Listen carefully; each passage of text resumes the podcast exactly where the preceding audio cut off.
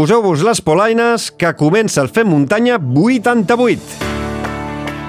Comença Fem Muntanya, el programa de l'esport outdoor en català, amb Xavi Alujas.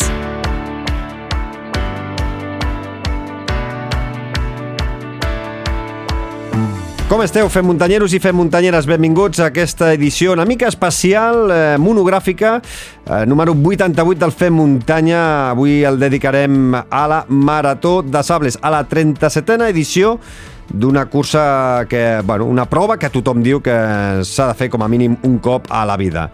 M'encanta escoltar les històries dels que hi participen. Ja, de fet, l'any passat li vam dedicar un programa sencer per escoltar la història del Guillem Marchal Enguany li dedicarem aquest programa per escoltar els sentiments, vivències i anècdotes de la Ragna, debats i eh, un gran amic del Fem Muntanya, l'Albert Jorquera. La Ragna va liderar la prova durant les tres primeres etapes i a la quarta, que era l'etapa més llarga, amb 90 quilòmetres, la va haver de fer gran part del traçat caminant. Avui sabrem exactament què és el que li va passar i escolteu la conversa perquè crec que parlarem de sentiments i de victòria. Ja us puc ben assegurar que gaudireu d'aquesta xerrada. I a continuació parlarem amb l'amic i periodista Albert Jorquera, que també hi ha participat, acabant, atenció, en una interessant i meritòria 55a posició. A tots aquells que us agraden aquests, aquestes històries personals de superació, de patiment i d'aprenentatge, avui gaudireu de valent amb el programa especial que us hem preparat.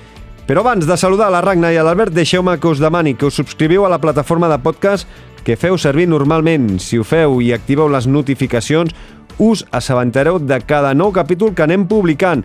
I no us oblideu de deixar un m'agrada, 5 estrelles o un like, i si coneixeu amics i amigues que sabeu que els agradarà el podcast, també el podeu compartir a les vostres xarxes. I també us demano la vostra col·laboració per fer possible que aquest podcast, el Fem Muntanya, tiri endavant amb la màxima qualitat possible. Ens podeu donar un cop de mà a través del mecenatge i per tan sols 1 euro amb 99 cèntims al mes, que és menys del que costa una cervesa, ens ajudareu més del que us creieu. A més a més, d'ajudar-nos de forma directa també tindreu accés a tots els sortejos que anem proposant i escoltareu algunes converses abans que la resta d'oients. L'enllaç per fer-vos mecenes el teniu a les notes dels eh, capítols.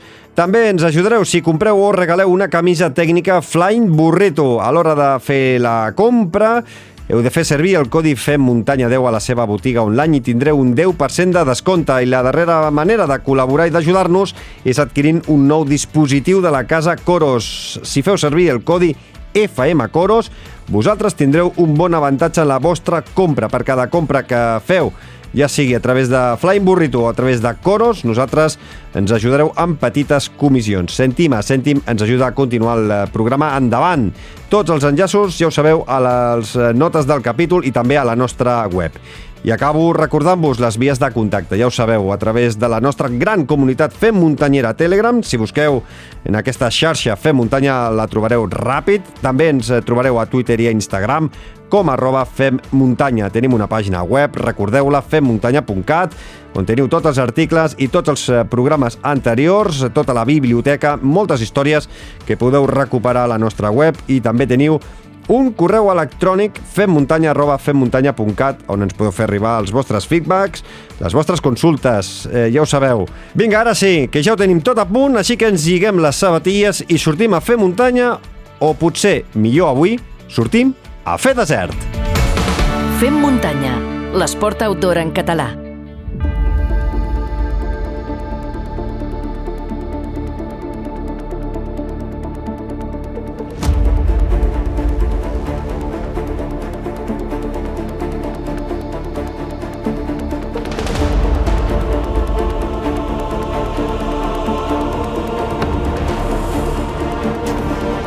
Hi haurà gent que digui que la Marató de Sables no és una prova ultra o que no és una prova de, de muntanya, eh? que cadascú doncs, eh, tindrà la seva opinió, però el que ningú em podrà negar és que és una de les aventures que més marquen els que hi participen i és tan dura i intervenen tants factors externs eh, que fins al darrer dia, fins que no es creu a la línia d'arribada, tot pot canviar. Avui volem parlar aquí al Fem Muntanya d'aquesta 37a edició de la Marató de Sables amb la Ragna Dabats i després també parlarem amb l'Albert eh, Jorquera. Ragna de Bats, eh, benvinguda al Fem Muntanya de nou. Hola, Xavi, què tal? Escolta, eh, en el moment de gravar aquesta conversa ja han passat eh, uns dies eh, des de que vau acabar la darrera etapa de la Marató de Sables. Com et trobes física i mentalment?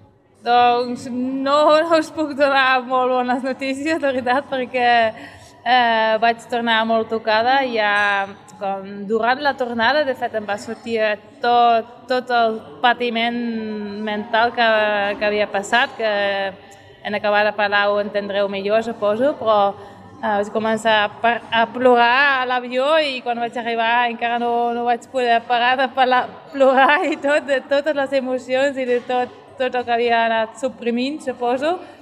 Eh, i, I res, ara estic mentalment millor, eh? però físicament no tant, perquè ahir a la nit, eh, per fi, vaig fer una resonància magnètica i aquest matí ja m'han eh, dit el resultat i és que tinc la tíbia, tinc una fissura, una fractura d'estrès en la tíbia i ara mateix estic anant amb crosses i em toca anar quatre setmanes amb crosses, o sigui que físicament tampoc no, no, no és el millor.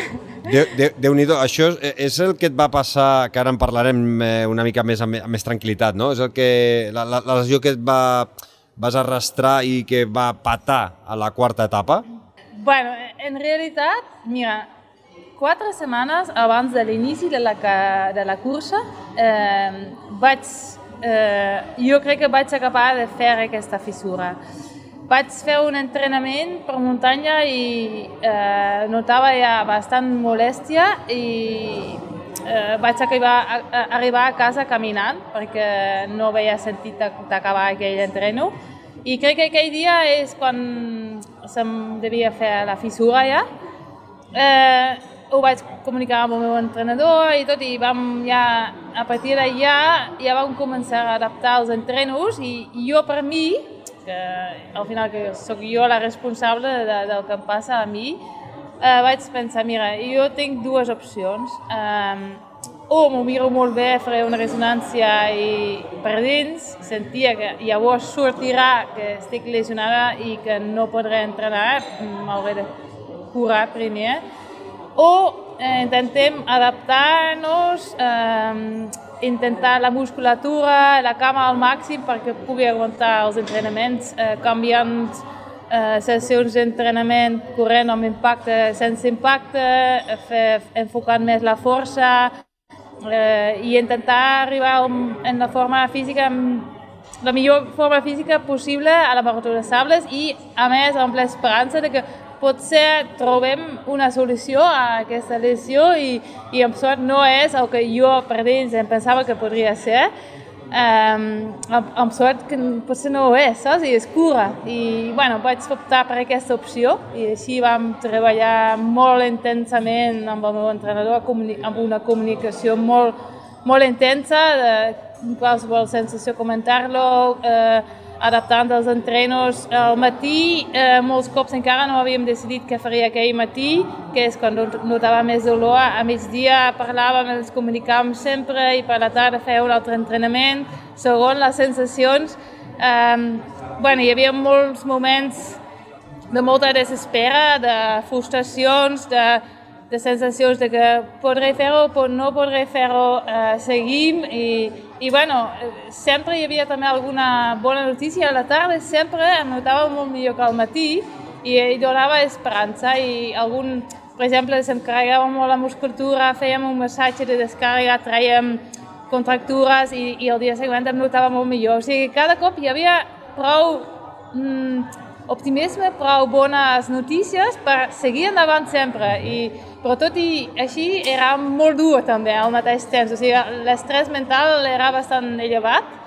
Eh, I així, totes aquestes setmanes, eh, fins a arribar passar per diferents estats d'emoció, de, fet, perquè també vaig tindre un, uns dies de molta ràbia, de sentir molta ràbia per dins, de que, oh, que jo vull que marxi ja aquesta lesió o aquesta molèstia que tinc. I, i bueno, així eh, L'última setmana vam fer molt descans, zero impacte i notava que una, una millor un altre cop. Així, un altre cop esperança que, uah, potser riu i no em farà mal allà. I amb l'adrenalina, quan corres, potser, potser se'm solucionarà.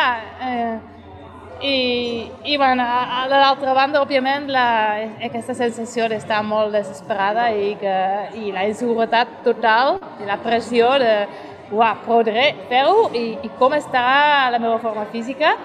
Eh, respecte a la forma física, igualment estava més confiada perquè el meu entrenador ho ha portat superbé, jo crec, i, i ja, ja s'ha vist, perquè les primeres tres etapes, tot i en realitat estar lesionada i tindre aquesta fissura les vaig guanyar i les vaig córrer Clar, ara, ara, i les vaig Ragnar, guanyar. ara o sigui, ja demostra.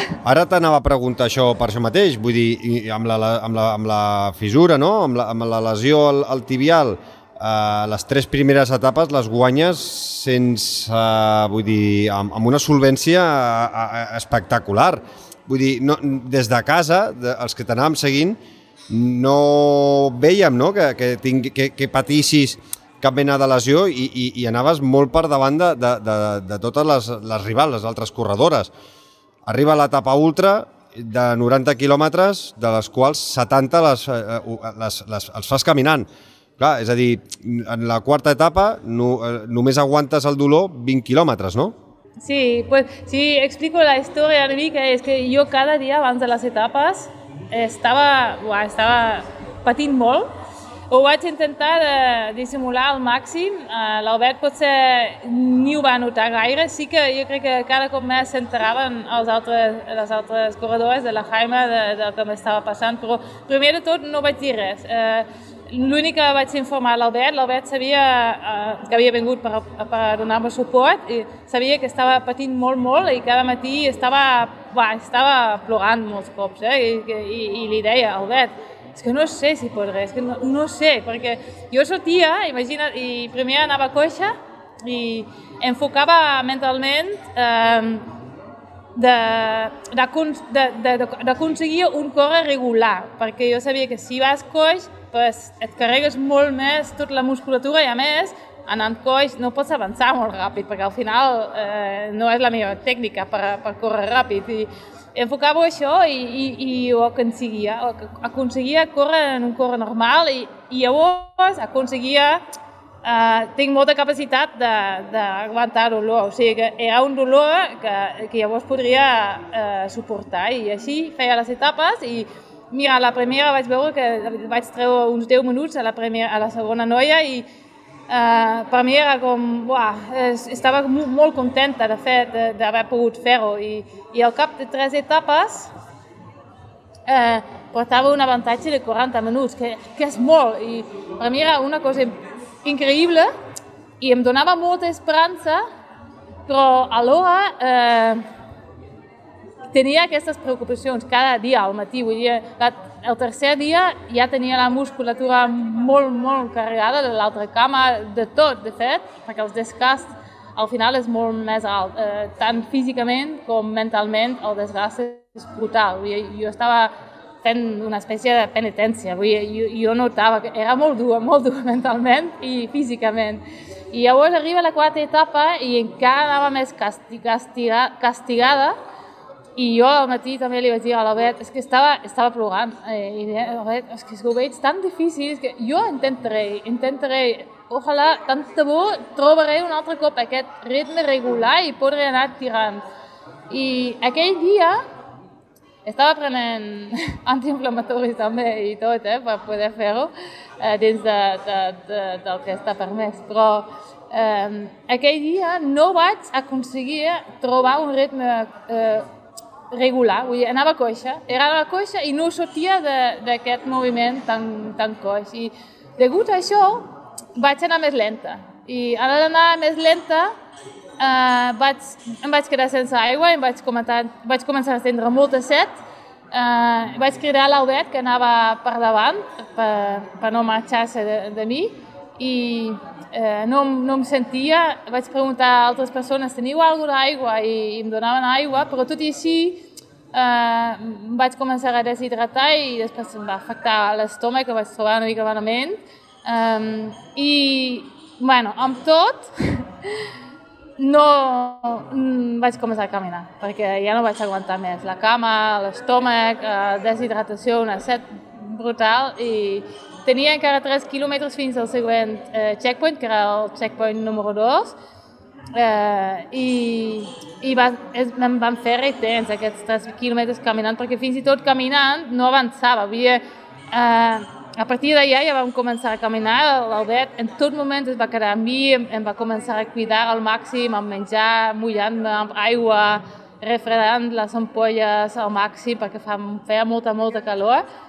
I amb l'esperança, de, bueno, sabent que aquesta etapa ja que no la podria guanyar i, i cada cop estava més clar que ni tan sols m'estava perdent el liderat i que, i que ja no guanyaria segurament Marató de Sable. I tot i així, en aquests moments, per mi estava molt clar que jo vull acabar. Jo acabaré per collons aquesta etapa. En cap cas, en, ca, en, ca, que Ragnar, Ragnar, en cap moment se't va passar pel cap eh, plegar i tornar no. doncs, cap a casa pensant, va... de, pensant de que tenies aquesta lesió de que les coses no anaven bé, de dir, doncs més val no forçar, no sigui que tirem la temporada a l'aire, eh, no sigui que estiguem aquí patint calamitats, doncs més val, doncs, no sé, deixar-ho estar i, i tornem l'any sí. vinent o d'aquí dos anys. A, a, mira, això és el pensament que sempre tenim als èlits, quan no ens va bé, doncs sí, per això parem i diem, ens millor cuidar-nos i, i enfocar una altra carrera i una cursa i, i per mi, eh, mira, tot el camí que havia fet ja fins allà de patiment, de patiment, de molt patiment, eh, és que vaig dir, i aquí ho deixo? No, no, no. Jo lluitaré ara, si jo he lluitat ja tant, lluitaré fins al final. I, i em va vindre el primer camarògraf i, i en la càmera vaig dir, no plegaré, jo acabaré aquesta cursa, sigui com sigui, jo acabaré, acabaré i tal qual em vaig fer una promesa a mi mateixa, vull dir, eh, i, i, i m'ho vaig ficar al cap i jo soc molt forta de cap. No, no, això, això, això està claríssim. Per, perquè, clar, la, la gent s'ha de fer el cas de que, per exemple, la, la guanyadora, la Marilyn eh, Nakach, eh, va fer l'etapa ultra amb 11 hores 50 minuts i tu la vas fer per sobre de les eh, 21 hores. I la darrera etapa, l'etapa marató, ella la va fer amb 4 hores 18 minuts i tu, després de tenir 10 hores menys de descans, perquè vas trigar més de 10 hores en fer l'etapa ultra de 90 quilòmetres, tenir menys hores de descans, eh, amb tot el dolor, tota la lesió, tot, tot això, doncs eh, vas arribar a fer l'etapa marató exactament amb, eh, si no ho vaig errat, amb 5 hores i 8 minuts. La gent ha de ser conscient... De... coses que, que és, sí, és, és brutal. coses sobrenaturals, eh? Sí, això són coses sobrenaturals, perquè físicament a l'etapa marató eh, no, no estava capaç, no era capaç de córrer, en realitat. Al matí, mira, quan vaig arribar a l'ultra, sí que vaig tenir aquest pensament, mira, he complet, he acabat l'ultra, és el que, el que m'havia promès, i eh, aquí es quedarà. I llavors, a la tarda, a la mateixa tarda, vaig pensar, però és que em sap greu, que, mira, si ha lluitat tant, per què no seguia i, i, i fins al final de tot. I, però per l'altra banda pensa, pensava, mira, a mi me fa una medalla, jo no sóc així. què, què em dona ja de ser finisher? I, eh, tot i així se'm menjava una mica el cap i tot, i anava parlant i vaig parlar amb les persones i al final també vaig pensar, mira, les primeres etapes les, les vaig poder guanyar d'alguna manera. I estava molt més futur, òbviament, però també se'm, és que jo soc molt boja perquè se'm creuava pel cap i si, si vaig a top i intento guanyar la marató, que és un pensament bueno, és un pensament de lluitadora, de guanyadora, però és un, era també un pensament bueno, és que era voler aconseguir una cosa impossible, en realitat. I, i, i bueno, al matí estava ja, em feia tan mal al matí un altre cop de la marató, eh? I, i dic, va, vaig a parlar amb, amb el Toti, cap de premsa, i, i li pregunto al Toti, Toti, estava plorant, eh? I dic, Toti, què faig? Què és el millor? Què, què haig de fer? Ni intentar cuidar-me a mi, no patir més, uh, o, o què faig, o, o acabo, o què faig? I diu, mira, jo crec que el millor de tot el que has fet ja, i jo, el millor que pots fer és acabar-la, acaba-la, acaba i, i, i, i de seguida vaig dir, vale, sí, tot i, jo faré això, l'acabaré. Tant com sigui corrent, com sigui caminant, com sigui gatejant, com sigui d'una altra manera, um, l'acabaré. L'acabaré. I, I vaig sortir a l'Albert, que, anava, que anava amb mi, li vaig dir, Albert, jo, a mi no m'agrada caminar, és que odio caminar. La veritat és que no, odio. I li vaig dir, Albert, jo sortiré corrent i mentre pugui suportar el dolor i, i no em surti cap altra cosa de l'estómac o qualsevol cosa que realment m'impedeix eh, córrer eh, o que m'arregi o jo què sé. Jo aniré, encara que vagi coixa, jo seguiré corrent. Seguiré corrent fins al final. Farem la marató corrent i ell, eh, ell sap com, com soc i ho respecta i, i s'adapta. S'hagués adaptat al caminar, s'hagués adaptat al córrer, s'hagués adaptat a qualsevol situació i em va dir, sí, sí, jo t'acompanyo i, i tu jo et seguiré, t'ajudaré eh, al màxim que puc, donaré suport i eh, i el que puguem, el que puguem fer. Que el teu I, company d'equip, l'Albert Giner, i... t'anava a dir, ara sí. el, teu, el teu company d'equip, l'Albert Giner, estava molt fort, arribava molt ben preparat perquè, va, eh, o sigui, estava a la general a la mateixa posició que tu. Eh, sí. Clar, ell, que també podia haver tirat una mica més, què significa que ell renunciï, per exemple, a la seva classificació general per quedar-se amb tu eh, durant tot, ja des de que ja dius prou fins al final? Doncs, eh, mira, en l'etapa eh, de l'ultra jo li vaig dir, quan vaig veure que, és que era impossible seguir corrent per mi, i, i li vaig dir, eh, Albert, vés-te'n, vés-te'n, tu fes la teva cursa, tu pots arribar, vas bé, i, i pots fer una bona classificació. I, i em va dir que no, i vaig insistir un altre cop, i, però després també vaig veure que ell, ell està allà per mi també, per donar suport, i el que volia era això, i per ell el mèrit de poder donar-me suport i ajudar-me és per ell, personalment, li dona molt més que, que una classificació. I, I ho vaig acceptar i, i així vam anar junts sempre. I a la marató, com a, que mi primer quan vam arribar de l'ultra, vaig dir, mira, demà vull que tu corris, eh? vull que tu corris i que ho donis tot. I, i de fet, m'ho va quasi acceptar, però només pensant que jo no sortiria o que sortiria i que plegaria al cap de, al cap de poc de, de sortir. I, I quan al matí, quan vam parlar, i vaig dir, mira, jo acabaré, acabaré, sant, sigui com sigui, i em va dir, pues jo acabaré amb tu.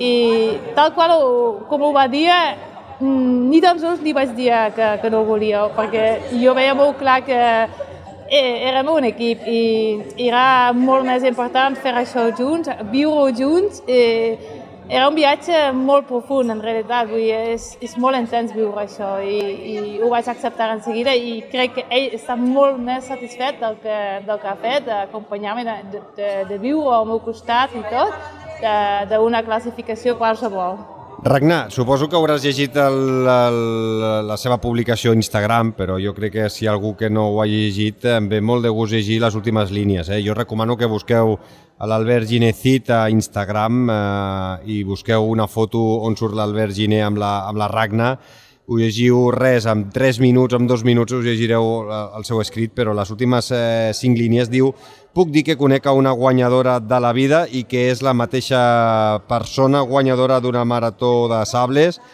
El meu fill, que ara doncs és molt de resultats o posicions eh, de guanyar o perdre, aviat entendrà que realment vam guanyar i diu, postdata, Ragnar, a una persona com tu no se li pot fallar mai ho vaig dubtar. Eh, unes paraules realment boniques que, que et dedica l'Albert. Sí, sí, és molt maco, molt, molt, molt maco, molt. I la veritat és que per mi eh, aquesta marató de sales m'ha portat molt, he, he après moltíssim i, i realment per mi és, és la primera vegada que jo realment he sentit que eh, tinc aquest sentiment també, que he guanyat. Dir, òbviament no he guanyat la primera posició, però sí, he guanyat, he guanyat, he guanyat aquesta marató d'una altra manera. I això com a atleta elit, eh, nosaltres ens movem en o guanyem o és un fracàs. I, i i ja sabem que en realitat no és així, sempre els psicòlegs i tothom ho diu, que si no guanyes no és un fracàs, pots treure coses bones, però en aquesta marató de sables realment ho, jo ho sento així, que, és que som guanyadors, hem, hem guanyat. Eh, jo ho sento els dos, eh? tant Albert com jo, perquè hem anat eh, en equip i eh, és com una victòria que, el que hem viscut allà. La, I, la, I això és una, una lecció, un gran, una gran lecció per a la vida, jo crec. La veritat és que eh, tant a la imatge, al vídeo que, que, que, que s'ha que s'ha vist per Twitter, per Instagram, on s'us veu l'Albert i tu arribant després de 21 hores eh, gairebé totes caminant, Uh, la rebuda va ser espectacular, com a mínim en el vídeo que es veu. Després la cara d'absoluta felicitat. Vull dir, jo crec que uh, els que t'anem seguint Ragnar mai hem vist aquesta cara teva de felicitat, de victòria, i mira que has guanyat unes quantes curses a la teva vida i, i és una cara d'autèntica felicitat de tenir la medalla de finisher, d'haver acabat les cinc etapes. Eh, eh, has guanyat més eh, en, aquest, en aquest any 2023 que l'any que la vas guanyar, el 2019? Sí, sí, és, és que és molt diferent l'experiència. Òbviament, allà vaig, vaig guanyar, allà vaig fer un ball. Vaig, jo ara ho veig i, i estava ballant allà, ballava de, de, de l'inici fins al final, era fàcil, entre comilles, entre, comilles, entre cometes, eh? però aquest any eh, és que ha sigut com un viatge espiritual, però que, que quasi que em sento molt agraïda d'haver pogut eh, viure-la, perquè penso que poques persones en, en la vida tenen aquesta ocasió, perquè realment era un nivell el nivell de patiment i el, els nivells de les emocions, el, el nivell dels aprenissatges, eh, van més enllà del que experimentem, jo crec que normalment en, en les nostres vides i per això també ho, ho, ho defineixo com, com un viatge espiritual. Realment m'ha portat molt per aquesta, no sé, en aquesta vida. Sí, uh, hem, hem, hem parlat durant molts minuts de patiment, patiment, patiment, hem parlat evidentment d'aquesta sensació de victòria. Va, explica'm alguna cosa que diguis eh, que hagi fet que tot hagi valgut la pena, algun moment màgic a la nit, mentre estaves a la Jaime, aquells moments que, que, que eh, t'oblides una mica de la part esportiva i, i, i, i, no, i gaudeixes del que també és la part de la Marató de Sables, que no només és córrer pel desert. Sí. No, no, no, eh, això fa aquesta cursa tan única i per mi, sobretot, mira, eh, jo estic parlant molt de patiment i tot, perquè, òbviament, ha dominat tot, eh, totes les meves, meves actuacions i tot, però també he d'afegir que en cap moment no he sigut optimista i positiva. Vull dir, eh, i en cap moment eh, m'he enfadat, o sí que he plorat, això, això és l'únic eh, l'única emoció que sí que m'havia de sortir, però no m'he enfadat, no m'he enrabiat, no, tot el que sentia eren petites alegries i ens ho passàvem bé sempre, Eh, I el millor moment va ser quan estàvem fent l'última marató, que per mi ara ho noto molt clarament que era el millor moment de, de, tot, de tots els moments corrents. I eh, que ens vam apartar una mica de, del camí per on va la gent, perquè en Marató de Sables està indicat el camí, però tu pots fer una mica la teua traça també, no està, com, no està marcada com una cursa normal on realment vas de centre a centre. Tu pots anar, igual vas a 50 metres de la centre, no passa res. Tu pots, fins a un cert punt, pots desviar-te del camí. I en aquesta etapa, en comptes d'anar per, per les valls, per valls on hi havia arena, vam, vam dir, mira, anem per dalt de les dunes, que estaven just al costat, i així anem buscant les, les crestes de les dunes, que són més, eh, una mica més dures, i a més és molt més xulo fèiem bastant més desnivell perquè pujàvem i baixàvem seguint totes les crestes de dunes eh, intactes, sense trepitjar de ningú i hi havia unes dunes maques, maques i estàvem pujant en una duna i estàvem els dos, així, amb una mirada, estava clar, estàvem els dos, jo crec que al màxim de feliç. I eh, crec que acerto si si dic que també per l'Albert, tant per l'Albert com per mi, va ser com un moment supermaco i per mi, eh, ja dic, jo crec que el millor moment de, de Marató de Sables, com un moment de, de desconnexió i dins del patiment una alegria, una felicitat total i, i va ser molt maco, la veritat, eh, mhm. eh, molt maco. I res, eh, a part d'això, moltes bromes, molt, molta diversió, eh, en l'etapa ultra, per exemple, que anàvem en una, d'un CP a un altre, que són 10, mínim 10, 10 quilòmetres, anàvem a, a uns 50 metres eh, d'un grupet de gent eh, durant la nit. Ells portaven frontals i nosaltres també, o sigui, era fosc, només veiem els llums, però estaven super mega a prop. I ens vam buscar com el, el subrepte d'intentar atrapar-los i anàvem caminant. Jo m'esforçava, eh, tot i anar molt lent, anava esforçada, esforçada d'intentar anar ràpid i, i el repte que no vam aconseguir-ho. En 10 quilòmetres i entendre unes persones als 50 metres davant durant la nit, que potser podria anar bé una companyia de més persones, no vam poder retallar aquests 50 metres que ens separaven. I al final, quan portàvem el 20 eh, quilòmetres, ens va, vam, ens va agafar un riure perquè veiem que érem, bueno, jo érem capaç d'alcançar aquestes persones i bueno, vam viure és que molts moments maquíssims, divertidíssims i, i dintre de, dins de la Jaima, que t'ho explicarà millor a l'Albert, eh, mira, sincerament, jo estava molt preocupada moltes vegades i no estava tan oberta, receptiva, jo crec, eh, per participar així socialment en, en coses, però igualment eh, vam, vam viure moments molt, molt macos tots junts i compartint una experiència, o sigui que... Eh, i després eh, puc, puc seguir parlant perquè em van sortint pensaments i jo valoro aquesta edició però molt positiva en aquest sentit també de molta diversió, moltes alegries i, i, i per res eh, vaig patir en aquest sentit, vull dir, ho vaig passar molt bé també. M'encanta escoltar-te, eh? M'encanta escoltar-te, Ragnar, perquè sí. estic aquí... No, sí, perquè al final, jo crec que al final, eh, per, per això també, eh, eh quan és, és, t'he citat no? per voler parlar una estoneta aquí al Fem Muntanya, perquè jo crec que, que igual que el, els centenars d'oients que, que, que, escolta, que ens estan escoltant segurament ara, doncs eh, el que volen és escoltar les teves reflexions, eh, els teus sentiments, perquè la Marató de Sables és molt més que una ultra de 100 milles, és una experiència vital de vida. L'any passat doncs, vam tenir també un col·laborador, el Guillem Marchal d'aquí del, del, del programa, i també quan vam parlar amb ell després, doncs deia el mateix, no? que la Marató de Sables és molt més que una, que una cursa, és una experiència gairebé vital on eh, et fa trobar-te amb tu mateix, eh, conèixer gent espectacular, on, arriba, on saps el que és el patiment, eh, però a la vegada doncs, eh, també trobes moments eh, màgics que fa que tot valgui, valgui la pena.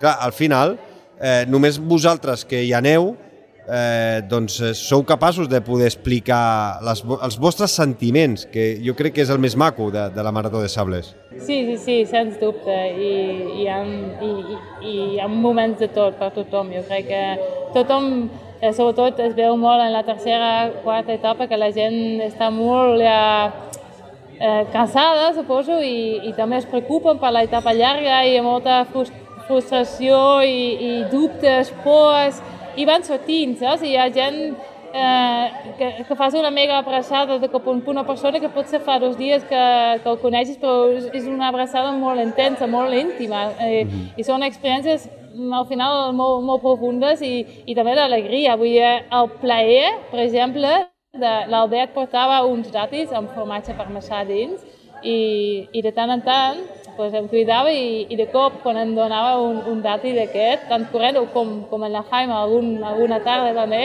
i, i potser compartir amb ells junts un dati de, de formatge parmesà, pues, és un plaer super gran i és un moment super maco en aquest moment. I això també és una cosa que, no sé, la, és, és com, són petites leccions per a la vida, saps? De, perquè mm allà ho vius i dius que és que això és super mega maco.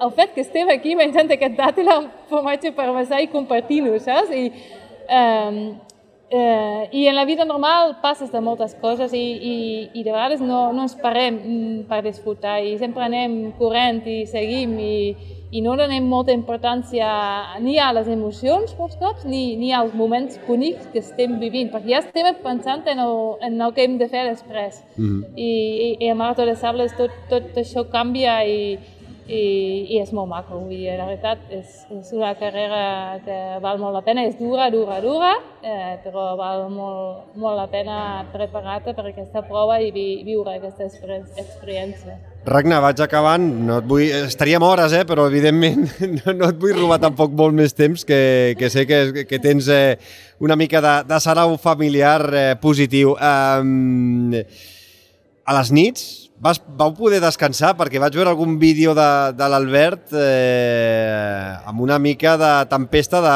de sorra. Això suposo que, que afecta una mica, no? Sí, sobretot les primeres tres nits vam tenir tem, eh, tempestes de sorra.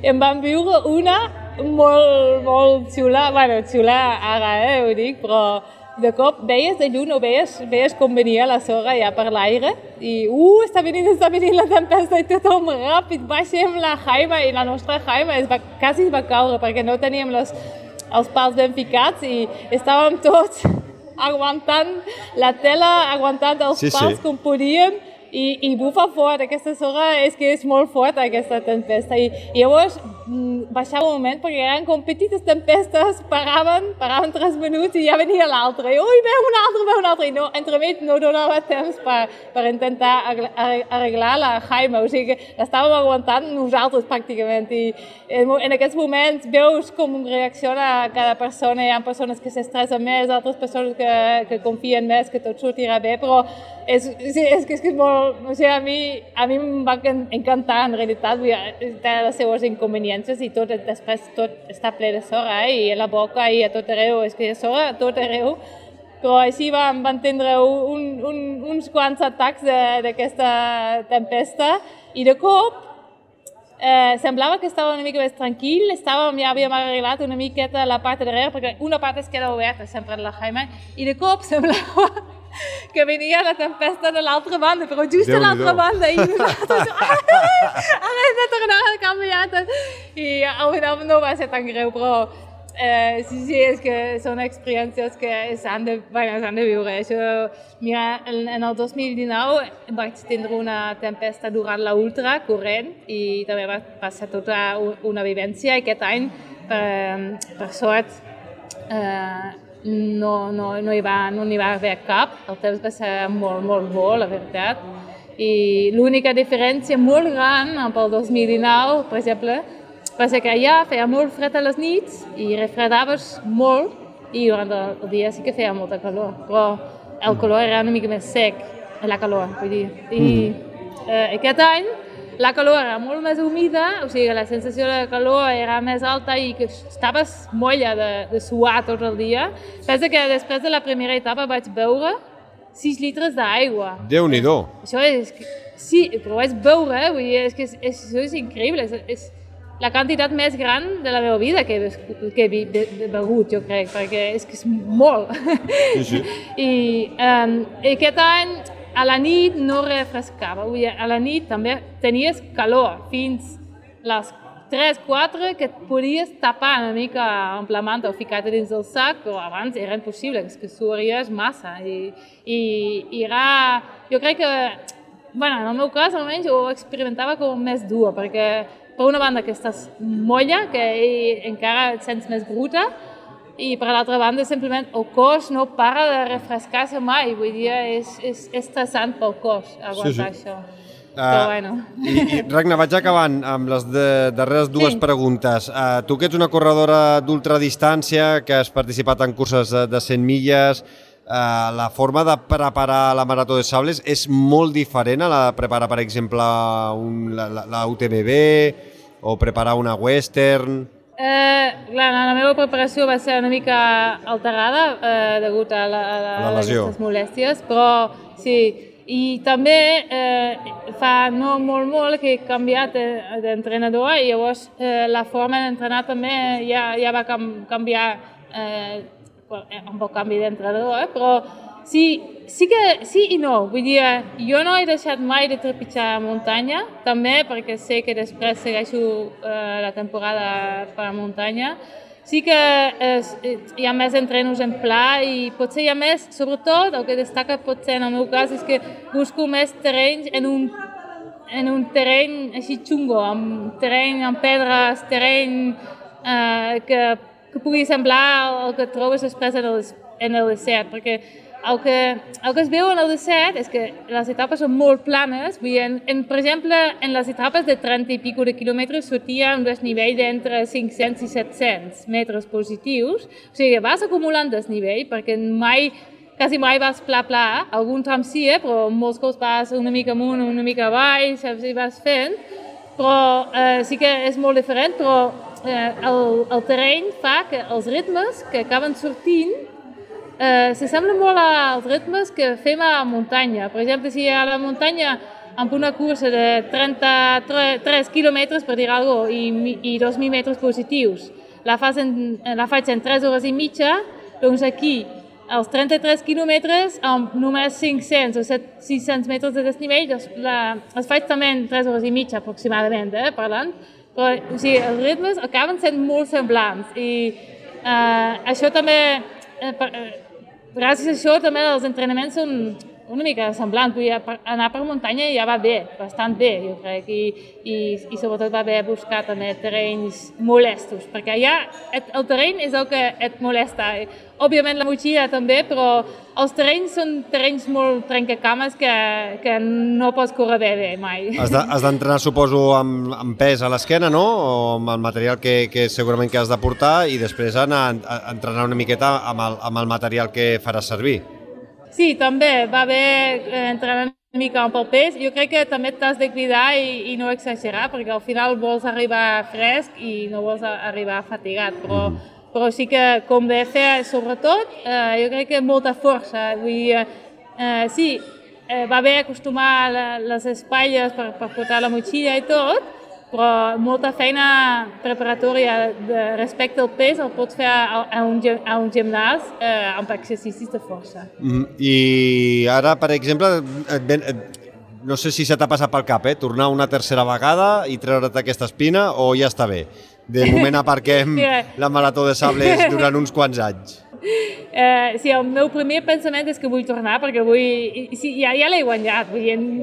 No, L'has no guanyat he, i, i, i... No he de fer res, saps? Però, però d'altra banda sí que tinc aquesta espina que em fa... Em sap molt... Més que res em sap greu. No és una espina en plan com... Ho he d'haver guanyat. Sé que, sí, en condicions físiques Uh, ai, en condicions bones hagués guanyat aquesta marató. Estic, estic molt convençuda físicament, estava molt per sobre de les altres noies, fins i tot quan, quan estava corrent lesionada vaig guanyar les, aquestes tres primeres etapes i estic molt, molt satisfeta d'haver uh, aconseguit això. Uh, I a mi mateixa això ja em demostra que estic forta per, per guanyar, que estava forta per guanyar.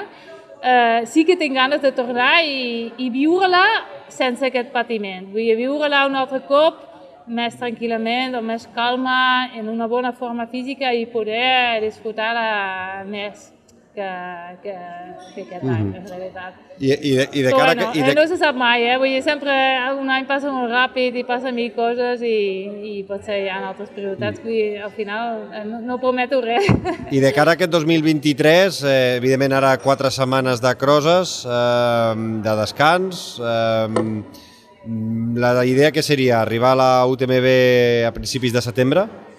En realitat tenia pensat de fer la temporada totalment diferent i he de tornar a fer un replantejament al 100% perquè tenia pensat... Estic una mica enfadada amb tot el tema de la UTMB. No ets, no ets l'única, eh? No ets, no ets la, no ets l'única. No.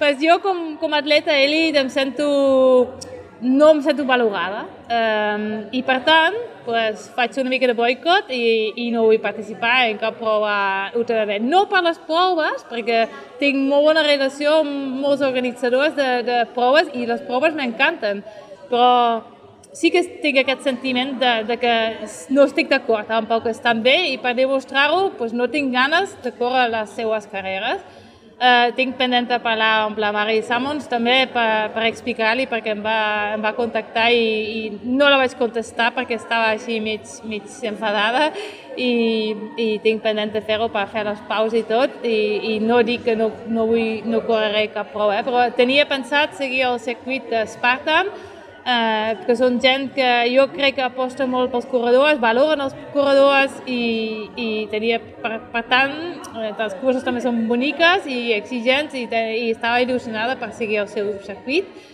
Um, ara, al estar lesionada, no podré anar a Maxi Race, per exemple, que seria la primera cursa al juny, i el Mundial el tenia també per, eh, bueno, eh, si estava confiada, si estava forta, hagués participat en el Mundial, que és l'últim cap de setmana de juny. Eh, aquestes dues ja, ja no les puc fer i, i realment ara mateix vull, no vull pensar en cursos, tampoc vull, vull pensar en Primer recuperar-se. Que cre... no, sí, perquè després si, si et poses pressió al final el cos igual no se't recupera bé perquè només estàs pensant que ui, només em queden sis dies o només em queda aquest temps per recuperar, haig de començar a entrenar. No, jo vull recuperar ara primer i quan passin aquestes quatre setmanes i veiem que m'estic recuperant bé i ja podré començar a, a treballar eh, millor i posar més càrregues i coses, eh, llavors ja començaré a obrir la ment una mica cap a les altres, cap a curses i, i faré una replanificació totalment. Eh, i aviam, eh, miraré, miraré on puc anar. I si puc anar a fer alguna prova als Estats Units em faria il·lusió també perquè crec que ara s'ha obert. Jo soc una persona que vaig decidir no vacunar-me i durant molt temps, eh, per exemple, no vaig poder tornar a Western States mentre tenia un dorsal allà. Em va saber molt de greu, però eh, no vaig voler vacunar-me i ara crec que als Estats Units ja està obert i, i puc tornar a viatjar-hi i a part d'això buscar reptes bonics i crec que, mira, estem a l'abril, uh, tinc molt de temps, encara la, la temporada abans, fa uns anys les temporades començaven al maig, sí. vull dir, al maig amb sort ja estic recuperada i em queda tota la temporada per davant, o sigui que um, jo crec que estic a temps per fer una, per planificar i fer una bona temporada. Se't passa pel cap una Ultra Pirineu a finals de setembre, principis d'octubre, aquí a Bagà? Doncs sí, sí, sí que em passa pel cap, perquè eh, Ultra Pirineu és una cursa que no sí que l'he feta, eh, l'he acabat i tot, però no l'he corregut mai eh, en el meu nivell i, i preparada. Vull dir, la vaig fer l'any passat, crec, eh, quan, o l'any anterior, quan vaig fer UTMB, i estava cansada, tant físicament com mentalment, eh, i vaig sortir i em vaig notar bastant malament i només per compromís amb els patrocinadors i, i per la gent i per respecte també perquè, perquè anava a tercera, eh, sí que anava molt malament, però eh, la gent per fora, des de fora veu que vas tercera i, i trobo que mm, no està bé llavors plegar, saps? I, mm, trobo èticament que, bueno, jo no puc plegar si vaig tercera i tot i per mi, personalment, estava fent una carrera molt, molt dolenta i fins i tot ni tan sols tenia la sensació que estava competint, estava anant, simplement estava desplaçant-me i, i, i no tenia cap mèrit en, el meu, en els meus ulls, en el meu sentiment del que estava fent allà, però sé que des de fora es veia molt diferent i, i, i fins i tot es valora molt el, el meu resultat. Hi ha moltes persones que, que mencionen aquest resultat que a mi em fa molta ràbia perquè, perquè per mi és que era potser la pitjor carrera que, ultra que he corregut mai. Bueno. Però bueno, eh, degut a això també tinc moltes ganes de, de fer-la ben preparada i descansada i, i sí, treure un rendiment bo a, a, la, a aquesta prova tan, tan mítica i que al final es disputa a Catalunya. Jo soc catalana, em considero catalana i tinc moltes ganes de, de formar part i aportar el meu nivell també a aquesta, a aquesta prova. Ja saps que ets una persona, ets una persona molt estimada aquí a Catalunya. Uh, mira com és la vida, eh? eh una tercera posició a l'Ultra Pirineu en la qual tu no estàs gens contenta amb, aquesta, no? amb les teves sensacions, amb el teu rendiment, eh, per tots els motius, eh, pel cansament físic i mental, i una vuitena posició a la general de la Marató de Sables, que et sap a victòria. Vull dir que de vegades no sempre cal eh, entrar no, a la primera per, eh, ser, no, per tenir aquesta sensació de, de, de, de, de ser la guanyadora i de vegades doncs, fas podi i no tens aquesta sensació i no estàs gens contenta, no? És, és sí, el, el yin i el yang. Sí, la veritat tens raó amb el que estàs dient i, i sí, sí, ho sento així. Ragnar, escolta, eh, no et robo més temps, que, que m'he passat una miqueta del temps que, que, que havíem dit. Eh, només et puc donar les gràcies eh, personalment eh, per aquests minuts. Eh, la veritat és que se m'han fet eh, molt i molt curts. uh, només et puc de desitjar que la recuperació sigui ràpida i bona, uh, que puguis entrenar bé i que tinguis un any 2023 ple d'èxits, que de ben segur que, que els tindràs i, com, i, i repeteixo, eh, moltíssimes gràcies per, per aquests minuts al, al Fem Muntanya. Una abraçada molt gran, eh, records al Pere i a l'Onna. Sí, els hi passaré i moltíssimes gràcies, m'ho he passat molt bé. Ara ja és el moment d'anar traient eh, coses i explicar coses i la veritat estic agraïda de que em pregunteu i poder explicar aquesta experiència. Cuida't molt, una abraçada forta. Una abraçada. Fem muntanya, l'esport outdoor en català. I després d'aquesta interessant conversa amb la Ragna Bats, eh, ja és el moment de saludar l'Albert Jorquera. Albert, benvingut de nou al Fem Muntanya. Hola Xavi, què tal?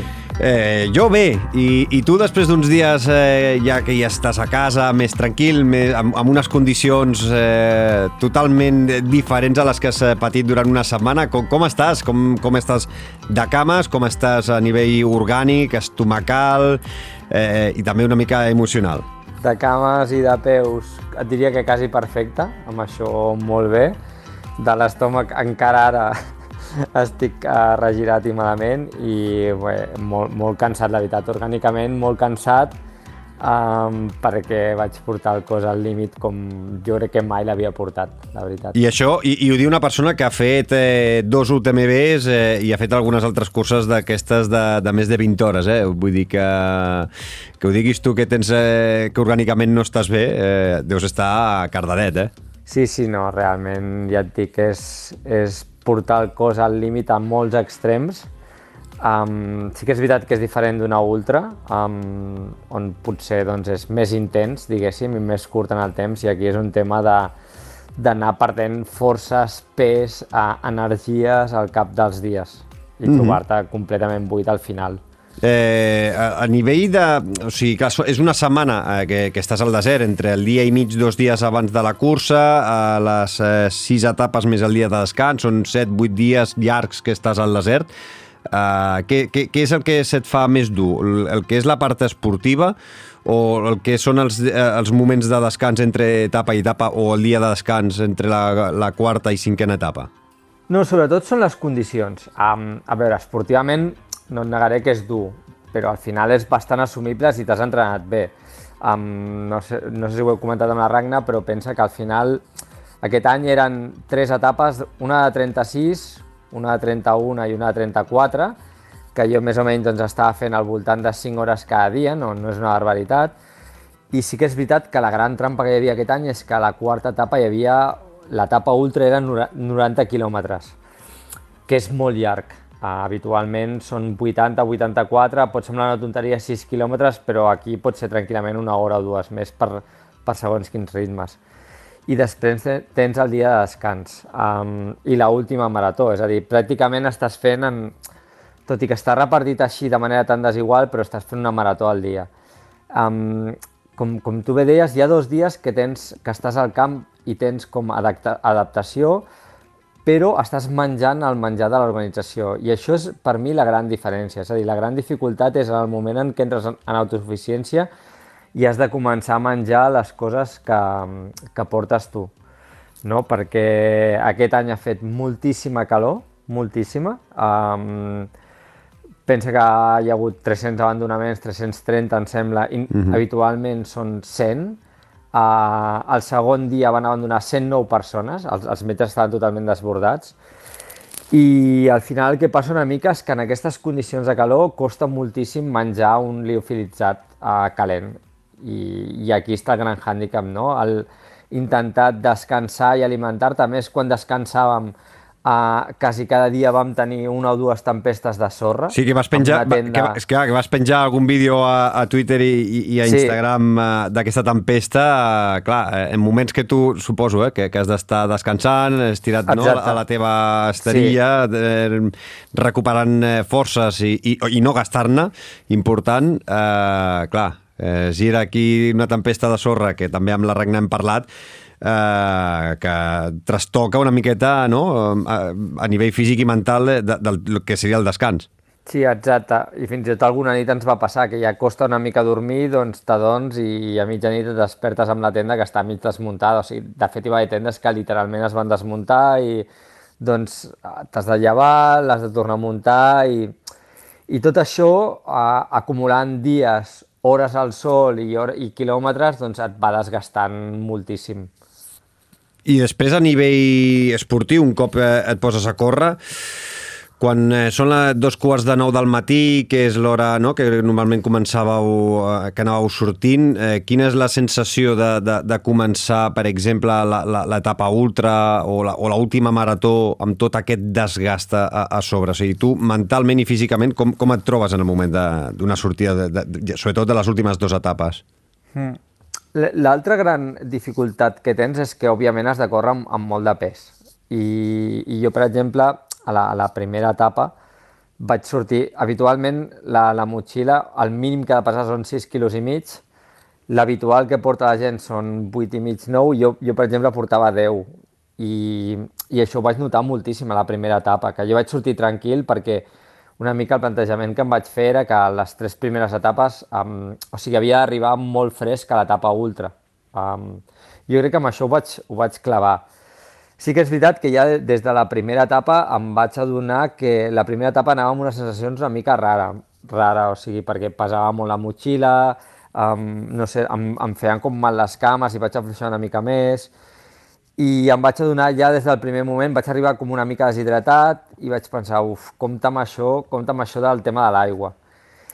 I curiosament, el, el segon dia doncs, ja li vaig treure pes perquè ja vaig veure que estava menjant molt menys del que m'imaginava i vaig ja tirar d'entrada doncs, menjar que jo havia previst que menjaria i ja al baixar-li només un quilo o quilo i pico de pes ja va canviar totalment. A més va ser una etapa més de muntanya que vaig gaudir molt i la, i la tercera etapa també la vaig fer molt tranquil intentant no, no desgastar-me perquè la quarta era la, l'etapa ultra. I la veritat és que jo, jo físicament ho vaig portar molt bé fins a l'etapa ultra també em va anar bastant bé. De fet, va ser l'única que vaig entrar entre els 50 primers. Sí, és el que t'anava a dir. O sigui, tinc, tinc, tinc aquí la classificació davant i, i com dius tu, no? vas anar de, de menys a més, eh, el 124 en la primera etapa, el 81 mm. a la segona, el 59è a la tercera, el 45è a la quarta, que era la, la més llarga. Vull dir que això vol dir sí. que el teu rendiment eh, anava millorant eh, dia a dia. Sí, ho vaig, jo crec que amb això ho vaig gestionar molt bé. També hi havia molta gent que no havia fet mai ultres i per tant no, no s'ho coneixia. I, I jo també sabia que la gent normalment el que sol fer en aquests llocs és sortir molt a fons i després anar afluixant.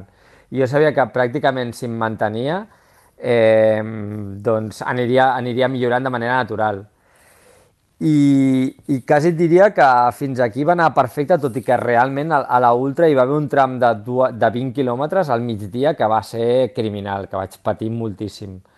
Uh, va ser pràcticament entre les 12 i les 4, que estava entre el quilòmetre 40 i 60, que feia una calor... Vam arribar als 50 graus aquell dia.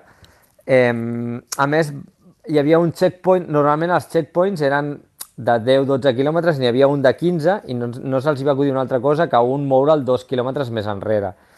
I això doncs, va fer que arribéssim a, a un parell de checkpoints totalment deshidratats, eh, perquè la gent ho sàpiga, l'aigua te la donen racionada, és a dir, o si no tens una penalització, però al final tu tires amb el que et donen. I va haver un parell de checkpoints que realment doncs, em van posar el límit, no? de, de, el que t'explicava abans, d'anar amb l'aigua que cremava els bidons, d'anar racionant cada glob d'aigua, intentar que no s'acabés. I, I sí que és veritat que un cop passat això i quan va baixar, diguéssim, el sol, va canviar totalment. I, i com que tenia cames, vaig poder córrer i vaig acabar molt fort i realment molt, molt content amb el temps i el resultat i les sensacions. Quin, Quina és la sensació quan tu arribes a la Jaima i, i, per exemple, arribes abans que els teus companys i veus que haurien d'arribar i triguen en arribar? És a dir, aquella sensació no, d'amistat, de, de, de companyerisme i, i veus que doncs, les coses no estan anant bé perquè eh, expliques en el teu article a Runedia que quan estaves esperant a, a, a la Ragna i a l'Albert Giné doncs eh, van passant les hores i, i veus que no arriben. Eh, què és el que se't passa pel cap? Sí, és, és una molt bona pregunta, eh? perquè mira, recordo aquest dia que tot i l'alegria de que m'havia anat molt bé, d'entrada recordo doncs, que jo arribes al campament i està buit, perquè si has arribat al 40 i poc, doncs imagina't, de mil i pico participants, totes les jaimes estan buides, no? A més, jo en totes les etapes, quan arribava, doncs l'Albert i la Ragna ja havien arribat. I en aquesta, tot i que havien sortit 3 hores més tard, ells no hi eren, o sigui que vaig arribar a la meva jaima i estava completament sol, no? I és com Um, realment aquí es crea un vincle molt fort amb els companys, que ja el teníem, um, i pateixes. Realment la sensació és jo no podia dormir perquè estava patint per tots els altres companys que estaven a, a la Jaima, no? I, i van anar arribant a poc a poc i, i cada, cada un que arribava doncs, era com tots ho celebràvem, no, no només de la nostra tenda, sinó el grup d'espanyols, diguéssim, eh, que estàvem en tendes consecutives i tothom passava per les tendes i ens anàvem com felicitant. Recordo no poder dormir esperant a, a la Paula també, que estava al meu costat i que doncs, portava els, els peus ple de llagues. I ells ja em van dir que havien vist a la Ragna i a l'Albert i que anaven molt malament, que els havien vist en algun avituallament i que anaven molt malament i, i jo vaig pensar, de fet, que s'havien retirat i, i la sorpresa va arribar a l'endemà, quan ja vam, pràcticament no vam dormir aquell dia, i és que van arribar la Ragna i l'Albert i també va ser com, tot i que els hi havia anat malament, va ser una explosió d'alegria, perquè al final retirar-te vol dir que, que acaben marxant, no? I, i és, són uns companys i un suport que tu perds en el moment que ells marxen. I el fet de que acabessin i arribessin i, i que anessin arribant companys fins i tot, imagina't, el dia després, eh? doncs era un, un fet de, de celebració per tots els altres. Mm -hmm. Això és el que fa especial, m'imagino, no? aquestes penúries que, que passeu tots plegats, eh, doncs aquest, aquest companyerisme entre companys de Jaima i entre companys, eh, evidentment, d'altres països, eh, que us, eh, ho trobeu sempre doncs, al campament eh, al final de, de cada etapa, m'imagino que és el que fa molt especial, no?, la, la Marató de Sables. Sí, realment és, és molt bonic i és el tret diferencial d'aquesta prova. Primera, perquè passes moltíssimes hores amb els teus companys, òbviament tirat a la Jaima, però també vas a veure i a parlar amb els altres. I després, perquè jo crec que, que arribes a un nivell tan bèstia de, de supervivència i necessitat que tothom s'uneix per intentar ajudar l'altre. Tothom és com quan algú necessita alguna cosa que li falta, és, ostres, doncs jo ho tinc, doncs jo t'ho dono, eh, gent que a lo millor li queda poc menjar però t'ho dona tu perquè ho necessites més o al revés, no? intentar cuidar dels altres perquè saps també que allà els únics que tens són els altres companys que cuidaran de tu i realment aquesta part sí que jo no l'he viscut en cap cursa, no? aquesta unió i aquest cuidar dels altres Um, I realment això sí que la gent ho explica i és difícil d'explicar i d'entendre, però quan estàs allà ho, ho comprens. Albert, el teu pitjor moment va ser en aquest eh, migdia de l'etapa ultra, de la quarta etapa, o va haver-hi algun doncs... moment eh, que ho passessis eh, realment malament? Bueno, fins a aquell moment va ser aquest, i realment el, el dia següent de descans el vaig passar més o menys bé, però la nit, de, la nit de, abans de la marató, que només et queda una marató ja per ser finisher, vaig passar com una mica mala nit, però bé, tampoc li dones importància, perquè al final, o sigui, vens d'una ultra, saps, el dia abans, i, i em vaig llevar com... Ja no vaig menjar gaire la nit abans, el, el dia de la marató em vaig llevar com molt girat, no tenia gens de gana, i, i no vaig menjar res. I ja vaig sortir amb el cos així molt girat, i totalment remogut de l'estómac, amb la qual cosa també durant la marató doncs, pràcticament vaig, si ho penses, vaig fer una marató sense haver sopat el dia abans, sense haver esmorzat i pràcticament amb un gel, una barreta i un, eh, i un Dionsis de Talwin que em quedava i realment la marató la vaig passar molt malament perquè des del primer moment em vaig trobar molt malament i, i a més entra una mica com l'angoixa de ostres, he arribat fins aquí, saps? i ara em, em noto com que em trobo molt malament, sobretot fins que ja quedaven uns 15 o 10 quilòmetres que dius, vale, ara ja realment no, no, no pot passar res, però la marató la vaig, la vaig patir bastant, va ser més sobreviure quan hagués pogut ja ser al final apretar, Mm, I després, realment, després de la marató em trobava fatal. O sigui, vaig arribar a la Jaiman, no vaig menjar, no podia menjar res, no m'entrava res.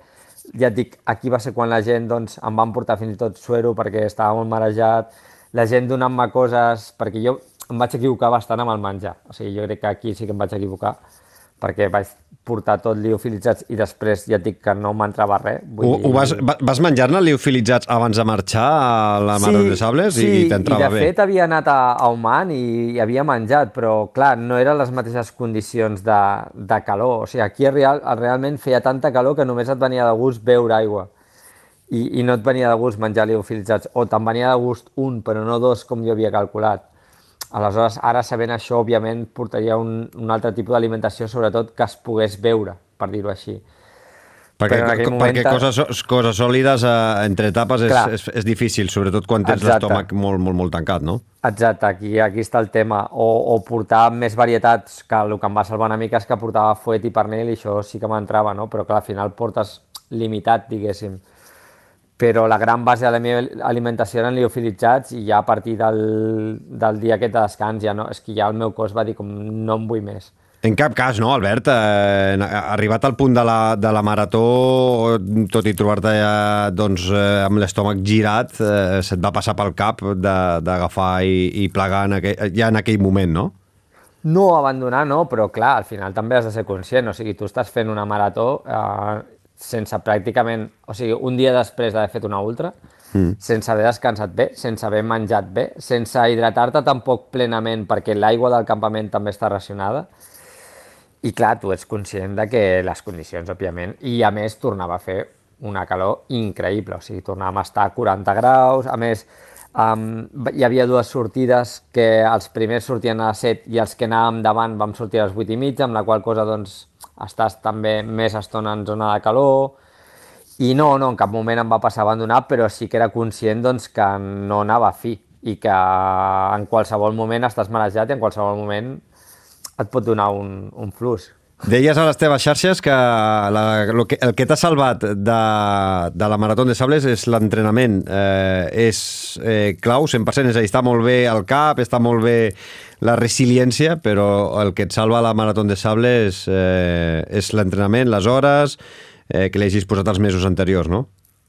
Sí, sí, totalment. O sigui, perquè, per exemple, aquesta etapa que anava tan cascat, fins i tot en aquella tenia cames per córrer, no, no, no sé si m'explico. O, per exemple, en l'etapa que, que t'he comentat de que feia tanta calor, el fet de poder córrer una mica, encara que sigui, i escurçar el temps entre avituallaments, jo crec que és clau. I, I jo crec que al final és una prova... A mi és curiós perquè molta gent m'havia dit no, bueno, la pots fer caminant i tal, però jo crec que és una prova que has d'anar preparadíssim, perquè és que si no, ja no és uh, la prova esportiva. A veure, sense voler ser dramàtic, però és que t'estàs jugant la vida ja. No és el mateix eh, fer una, una, una, una etapa de 30 quilòmetres amb 5, 6, 7 hores que fer-la amb 10 o l'etapa ultra. Exacte. Eh, fer, en, en canvi de fer-la amb 14, 15 hores, fer-la amb 24, que em sembla que és el límit que dona l'organització, no? No, no, eren 36. 36 hores, cert. Clar, jo la vaig fer amb 14, però és que la majoria de gent s'estava a 21, 24, 30... La, la regna 21 hores. Eh, sí, que, que... imagina't. Déu, Déu... I així tot, eh? I, I fins i tot els primers dies, jo que les feia amb 5 hores, però és que hi havia gent que ja el primer dia estava a 7 o 8 hores. Són 3 hores més al sol, són 3 hores més deshidratant-te, són 3 hores més que no descanses. I així tot. I, I a mi sí que em va quedar aquesta sensació de dir, ostres, menys mal que he fet molt bé els deures. Eh, perquè si no, ja et dic, ja no és un tema de rendiment o de quedar al 100 o el 50 o el 100 i pico, és un tema de que t'estàs jugant la vida i, I això sí que ho vull reivindicar. I jo sóc molt fort mentalment, però a vegades la força mental te la dona el fet, la tranquil·litat d'haver dit, escolta'm, jo he fet els deures i em trobo mm -hmm, bé, saps? Sí. Tinc cames per tirar. Aquesta és la, la major tranquil·litat i força mental que pots tenir. Perquè al final, si tu vas molt cascat o no tires o no et van les cames, o sigui, ja pot ser molt fort de cap, però el cos és el cos. I tu, Albert, que, eh, que, que, que ja fa un temps eh, que estàs eh, treballant, que, que t'entrena la, la Laia Díez, Uh, clar, l'any passat vas fer la UTMB, que te la va preparar ella, va, ja, ja, ja portaves un, un entrenament doncs, eh, més, més constant. Uh, ha canviat molt la forma d'entrenar de cara a la Marató de Sables o, o, o no? O, o, és a dir, has notat un canvi molt brusc de dir hem de treballar molt alguns conceptes que amb la UTMB no? O era simplement doncs, sí. anar fent volum, anar sumant... Eh, no, no sé, eh? per això t'ho pregunto. Sí, i tant, i tant, déu nhi és, és, per mi és bastant diferent. De fet, una altra cosa que, que jo ja sabia i que reivindico és que això són pràcticament esports diferents um, respecte a l'UTMB, um, perquè al final hi ha tota una part això de gestió, logística, descans, alimentació, que, que no hi és amb, amb les altres curses. I la principal diferència, sobretot, ha estat eh, tema de volum, d'encadenar... De, Òbviament, no has de prioritzar tant el tema de desnivell, tot i que també n'hi ha una mica a, a Marató de Sables, i l'altre sobretot era de volum, d'entrenar de, molts dies seguits, de fer un dissabte 35 quilòmetres i repetir el diumenge 20 quilòmetres amb fatiga, i, i potser això és la, la principal diferència, no? que, uh, respecte al tema B, que busques entren, entrenaments potser més curts i més uh, específics de, de muntanya. Mm -hmm. Uh, escolta, i el material, com l'has pogut provar entrenant o l'has provat a casa o, per exemple, només l'has pogut provar a, al, al desert d'Oman, que vas anar fa un parell o tres de mesos, al mes de febrer, si no recordo malament? Sí, home, el fet d'haver anat a Oman a mi em va, em va salvar molt perquè ja aprens certes coses, tot i que després, ja et dic, les condicions de sable són totalment diferents i, i te n'adones de moltes coses, no? Uh, òbviament ara si tornés a sables hi ha coses que canviaria, hi ha coses que vaig encertar i, i sí que és veritat que jo potser n'he fet com altra gent que ha entrenat 80 vegades amb la, amb la motxilla i tal, però sí que òbviament uh, tres o quatre vegades has d'haver entrenat amb la motxilla, eh, entrenos per la platja, eh, provar les sabatilles, les polaines, eh, com menys coses deixis a la improvisació, millor. I ara que parlaves de sabatilles, eh, també feies referència que has fet, has fet servir un prototip que t'han fet gairebé en exclusiva per tu. Eh, què, què ens pots explicar de, de les sabatilles sí. que has fet servir en aquesta marató de sables? No, no en exclusiva per mi, però sí que vaig contactar amb, amb la gent de Salomon, d'Annecy, i va resultar que ells estaven ja fent unes proves de prototips uh, i em van ficar dintre d'aquest programa. Uh, amb la qual cosa, uh, el que passa és que me'l van enviar doncs, una setmana abans de Sables, Fantàstic, eh, sí, visca sí, el risc. Eh, és, és veritat que és un prototip molt xulo, que anava molt bé, que al final és la meitat d'un Ultraglide que jo l'havia provat, Eh, ho vaig provar dos dies, un per la platja i un per muntanya a 30 quilòmetres i la veritat és que em, em va semblar molt còmode i érem 7 o 8 que, que portàvem aquest prototip, també el Mati Blanchard, però curiosament ell portava la part de baix d'unes S-Lab.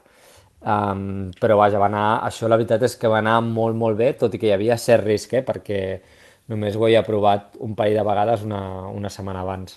Mm -hmm. uh, va, hem parlat de, de penúries. També sempre, sempre us ho pregunto, eh? perquè la Ragna li he preguntat, l'any passat a l'Albert i al Guillem doncs, també li vaig preguntar. Digue'm, explica'm algun moment màgic que diguis, a part del companyerisme, eh? eh algun moment personal teu que diguis tot ha valgut la pena. Que, que, algun detall, alguna història, algun, el cel, que sempre la gent parla de, del cel a les nits, eh, coses que evidentment només veieu vosaltres i que diguis, eh, només per això ja val la pena patir aquestes penúries durant tota una setmana. Jo recordo especialment la, la segona etapa, que va ser una mica de, de muntanya i de crestejar, i després pujàvem per la mítica pujada aquesta, que hi ha una corda que és pràcticament un 20%. Eh, després aquesta etapa i aquesta baixada o pujada la vam baixar a l'etapa llarga, Uh, I també és com una baixada molt llarga, saltant, com un nen petit, i aquí vaig, vaig gaudir molt. Algun moment a la nit, quan estàvem a, corrent de nit, estava sol, um, doncs poder mirar les estrelles, i, i sé que sona tòpic, però sí que recordo molt els moments que vaig compartir amb gent. Vaig, um, sobretot els primers 50 quilòmetres que els vam fer de l'etapa llarga, que els vam fer amb un grup de nois de, de Madrid, que van fer una amistat molt forta, que ells eren molt ràpids però no tenien experiència, i que vam anar fent bromes i rient i, i crec que és potser el que, el que m'enduc més d'aquesta prova. Per una banda, el fet d'haver acabat, um, encara estic tractant d'assimilar que acabés en la posició 55, perquè no... És espectacular, de mil corredors sí, eh, que sí. van començar a acabar el 55, eh, imagina't, has acabat és entre, no, no, entre, no o sigui, entre el 5%, sí. el 5 primer dels, dels corredors. Sí, no, no, no m'ho crec, um, i tam però també et dic una cosa, o sigui, un cop estàs allà eh, és totalment indiferent ser el 55 que el, el 300. No, no sé si m'explico. És, Bueno, amb és la intentar fer-ho... Amb la Ragna ho deia, no?, que a, a, a, va passar, o sigui, ha passat tot el que ha passat en aquesta quarta etapa, que se li ha esfumat, eh, evidentment, la general i, i, i va perdre un munt d'hores, però que al final ella se sent campiona, campiona de, de no abandonar, campiona per haver arribat, inclús ho deia, no? campiona d'arribar pels seus ous. Vull dir que al final el, el, el, el fet d'acabar i tenir la teva medalla de finisher i haver acabat la, la, la marató i haver fet l'etapa eh, la, la darrera no competitiva, doncs eh, fa que tot valgui la pena i et sentis eh, guanyador igualment. Exactament, exactament. De fet, allà ja et dic que l'alegria era exactament igual del que havia acabat als 600 que el que havia acabat al 55, eh, i, però sí que és veritat que no, no m'ho hagués imaginat. Jo crec ja abans d'arribar pensava que si quedava entre els 100 primers doncs ja estaria supercontent, doncs imagina't que al 55, però també et dic que un cop estàs allà, doncs el que et deia és totalment indiferent, és intentar acabar, intentar no patir, intentar no passar-ho malament, i la veritat és que molt, molt satisfet de l'experiència viscuda, tot i que torno a repetir, vull dir que, que ha estat duríssim. O sigui, perquè pot semblar que, mira, acabat el 55 i hi, ha, ha, que bé, que fort que estàs, i he, he patit moltíssim com mai havia patit. Ten, et queden ganes de, de tornar-hi, de dir, repetir experiència, o ja és una experiència que tatxes de la teva llista de, de somnis, de reptes personals, eh, i ara doncs, a buscar altres curses que evidentment serà que no que no n'hi han.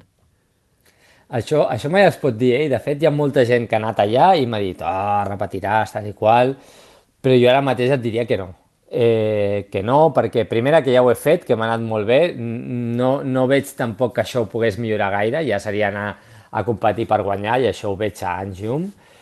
I l'altre és que, com comentàvem, les condicions són extremadament dures. Um, a part que també a mi el que m'agrada és la muntanya. No?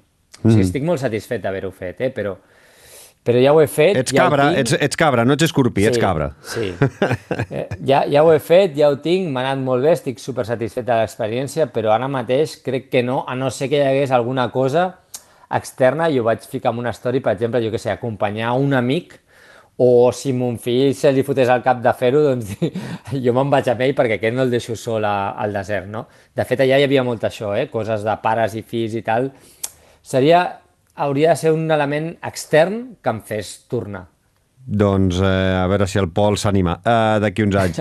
Uh, escolta... No sé, perquè patiria molt, eh, com a pare, ja t'ho dic ara. Bueno, però seria una experiència que seria totalment diferent sí, i sí. segurament millor que la que has viscut sí. aquest any.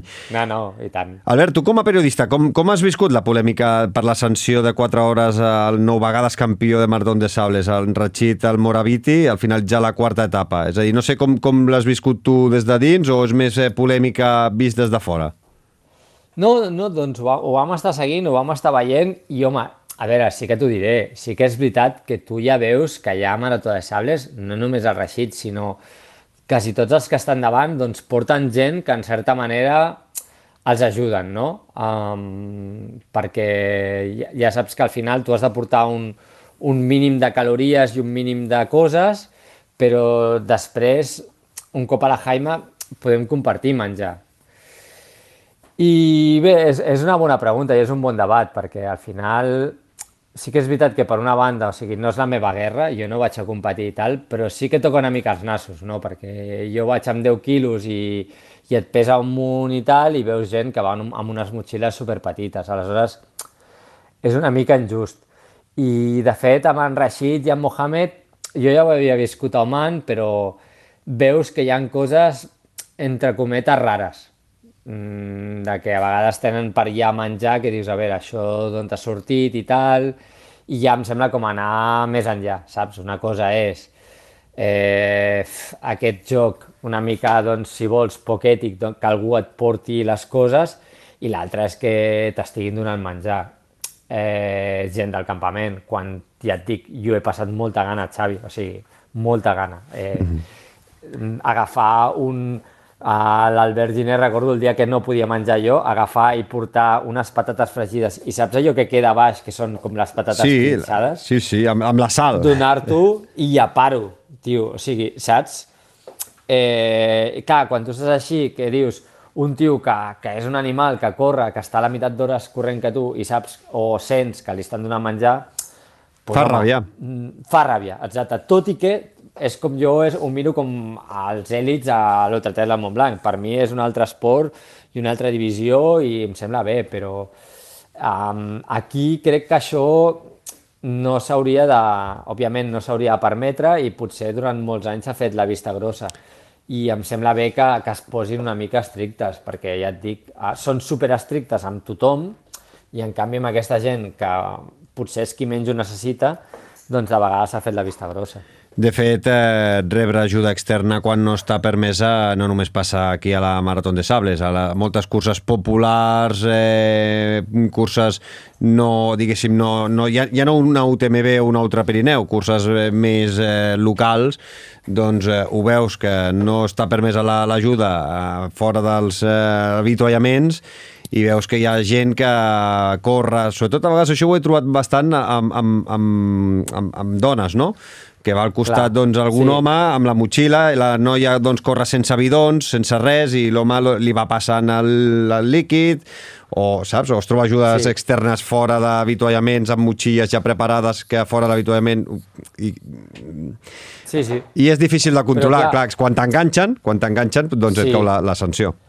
Però amb una cursa, jo crec, amb una cursa entre cometes normal, jo no crec que sigui tan decisiu com aquí, perquè realment el pes de la motxilla Clar. juga un pes decisiu, el que puguis menjar o no puguis menjar al cap dels dies és totalment decisiu, no, no és el mateix córrer amb 6 quilos que amb 10 o amb 8, i realment és un tema que s'han de, de mirar bé, perquè, mm -hmm. ja et dic, um, és com Vox Populi, de fet, jo en molts moments de la cursa coincidia amb, amb dos corredors que anaven vestits com d'agua, com el, com el, el Rashid, i que porta, portava unes motxilles supergrosses i que s'ho prenien amb molta calma i és com una mica els portejadors no? de, de, de tot el menjar i de totes les coses i és ok, d'acord, ja et dic, jo per molt que portés el mateix mai podria córrer al seu nivell, però sí que toca una mica els ous moralment, no? de dir, hosti, jo estic aquí carregant amb tot i amb coses, saps? I ells que corren tant, doncs van amb quatre coses. Mm, home, no és el mateix com dius, eh? córrer amb 10 quilos que córrer amb no, no. un quilo i mig, dos quilos. Això, això, això, això està claríssim. Clar. Escolta'm, Albert, ja acabo, l'última. Uh, quin calendari t'espera aquest 2023, uh, després de Marató de Sables i d'aquesta recuperació que, que pot durar dos, tres setmanes ben, ben bones, en les quals entrenar, gaudir i de, sí. d'aquest postmarató de sables, no? fins que no, el teu cos no, no estigui bé orgànicament 100%. Després, sí. què, què t'espera?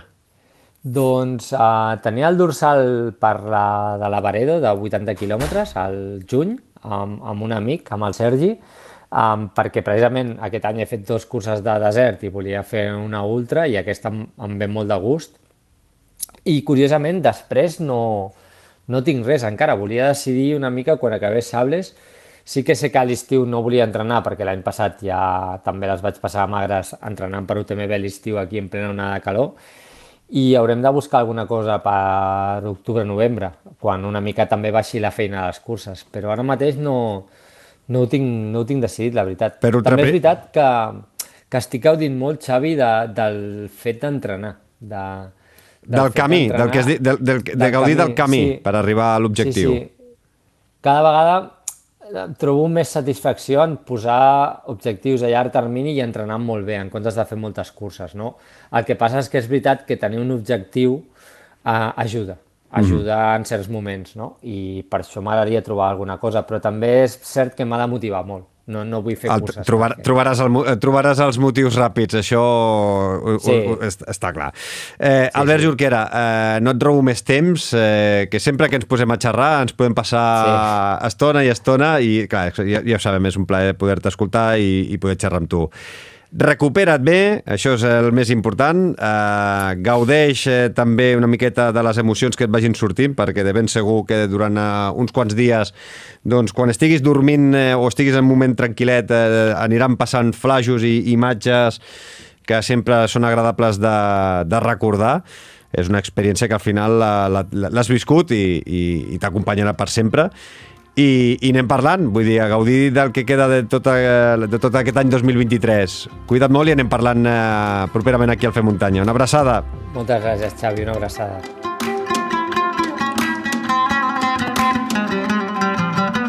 Si us ha agradat aquest capítol i és el primer cop que ens has escoltat, recorda de subscriure't a la teva plataforma de podcast favorita, ja sigui, per exemple, Spotify, Apple Podcast, iVoox, Google Podcast i moltíssimes eh, més. Eh, ens pots puntuar amb una bona nota, un like, un m'agrada, 5 estrelles i compartir el capítol a la vostra xarxa social. És la manera de poder fer la família una mica més gran i que ens vagin coneixent més amics i amigues. Us esperem a les nostres xarxes socials per estar sempre connectats a Twitter i a Instagram com arroba Fem Muntanya i la nostra comunitat Fem Muntanyera a Telegram. Moltes gràcies a tots els que ja hi formeu part. Moltes gràcies a la Ragna de Bats i a l'Albert Jorquera per haver participat en aquest programa 88, aquest programa especial Maratón de Sables, i al Guillem Marchal per la seva feina espectacular controlant sempre les xarxes del programa. Moltes gràcies a tots per ser-hi, una salutació de qui us ha parlat, Xavi Alujas, com sempre, un autèntic plaer. Tornem ben aviat amb més històries i no us oblideu que cada dimarts us portem l'actualitat amb l'Albert Torrent d'ultrascatalunya.com i el Robert Mercè amb eh, tota l'actualitat sobre la BTT que, per cert, ara mateix el tenim eh, eh, gaudint i cobrint la Titan Desert. Fins llavors, gaudiu i sigueu molt feliços, amb salut seny i, sobretot, molta muntanya! Fem muntanya, l'esport outdoor en català.